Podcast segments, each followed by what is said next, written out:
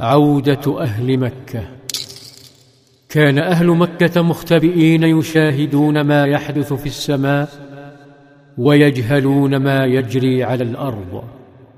حتى بدأ انقشاع الغبار وتوقف الصراخ ورحلت أسراب الطيور المحاربة وصفت السماء وهدأ الكون. فانحدرت قريش من مخابئها. لتجد الكعبة آمنة تحرسها أسراب الطيور.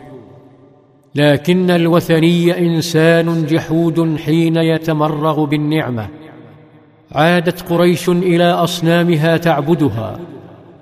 ونسيت نعمة ربها الذي أطعمهم من جوع وآمنهم من خوف.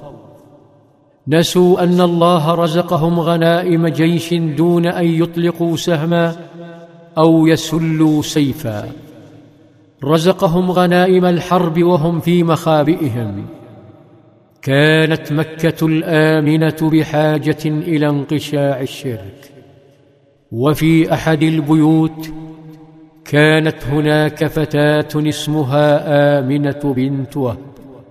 فتاة فجعت وهي حامل بزوجها عبد الله بن القائد عبد المطلب. وهي الآن تعاني آلام الحمل.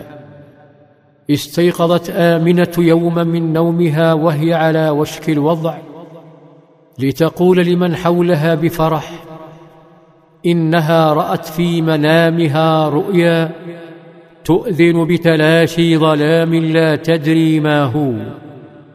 كانت تحدث من حولها وتقول رأيت خرج مني نور أضاءت منه قصور الشام.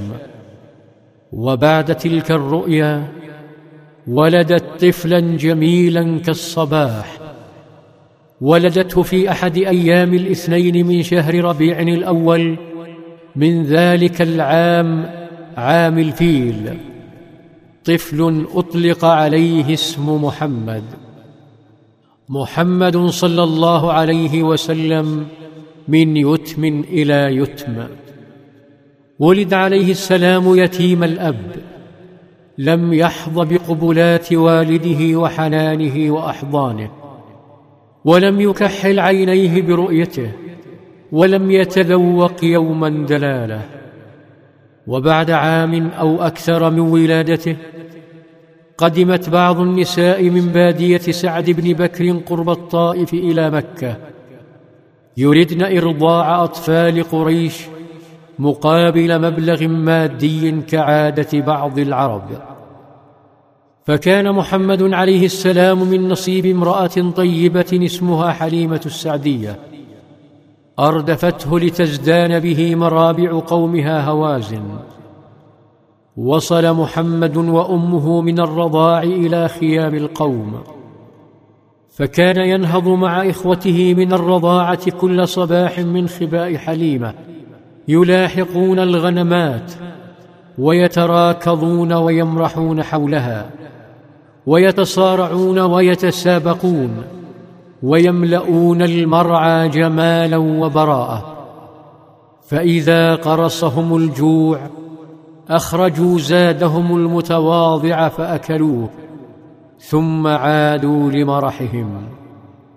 وفي أحد الأيام نسوا طعامهم فعاد أحدهم لإحضاره.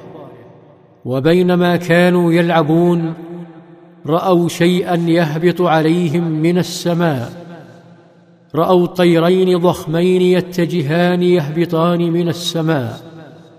وعندما استقرا على الأرض توجها نحو محمد عليه السلام فأخذاه برفق وهو مندهش ثم أضجعاه على الأرض وسط دهشة الأطفال واتساع أعينهم وارتجاف قلوبهم.